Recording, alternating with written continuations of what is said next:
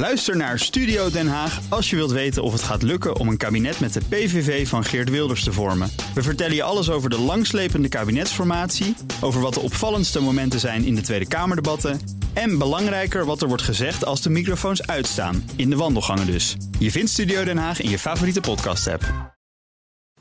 De column van Jaap Jansen. Minister-president Mark Rutte zit met de handen in het haar. Zijn comfortabele positie in Europa is in gevaar. Dat komt door het voorgenomen vertrek van de Britten en door de hernieuwde Duits-Franse samenwerking die nu is aangekondigd in het Duitse regeerakkoord. Een nieuw vertrekpunt voor Europa.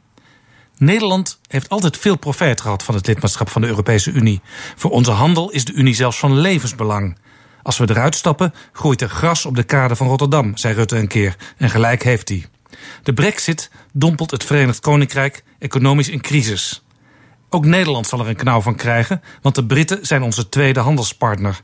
Toch redt Nederland zich hier wel uit, denk ik. Juist omdat we in het grootste handelsblok ter wereld zitten. En we zijn de eerste handelspartner van Duitsland. Maar er is nog een probleem. Ook politiek is het vertrek van het Verenigd Koninkrijk een domper. De Britten stonden vaak op de rem bij ambitieuze, geldkostende Europa-federale plannen van Frankrijk en van de Europese Commissie. Stiekem vond Nederland die Britse houding best prettig. In het hart van de driehoek Duitsland, Frankrijk, Groot-Brittannië had ons land een fortuinlijke positie. Wel vooruit, maar niet te snel en niet te duur, want ons minzunig.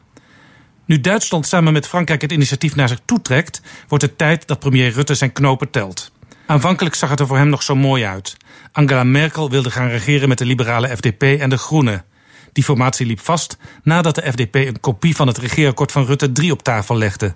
De FDP eiste dat de zuinige Europese koers van Rutte onverkort zou worden opgenomen in het Duitse akkoord. Merkel, die vaak een willig oor heeft voor suggesties van haar vriend Rutte, zei nee. Van haar wordt immers verwacht dat zij uiteindelijk niet alleen Duitsland, maar heel Europa draaiend houdt. Dan kan een scherpe Nederlandse koers niet het begin en het eindpunt zijn. Exit FDP tot spijt van Rutte. Merkel gaat nu regeren met de sociaal-democratische SPD van Martin Schulz, die het liefst een Verenigde Staten van Europa wil, net als de Franse president Emmanuel Macron. Zover gaat het Duitse regeerakkoord niet.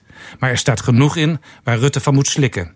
Kort samengevat, er moet meer Europa komen met meer geld. Een dure grap en het Binnenhof vreest dat dit Nederland veel gaat kosten. Rutte probeert nu via wisselende bondgenootschappen op de rem te trappen. Dat is een ongemakkelijke positie die Nederland niet echt ligt. Nederland heeft, net als Duitsland, oneindig veel te danken aan Europa. Het kan zich niet veroorloven uit de kopgroep te vallen. Als dat gebeurt, wordt goedkoop duurkoop. Ik wens Rutte veel succes. En dat zei Jaap Jansen, onze columnist op donderdag. En u kunt zijn column terugluisteren op bnr.nl en in de BNR-app.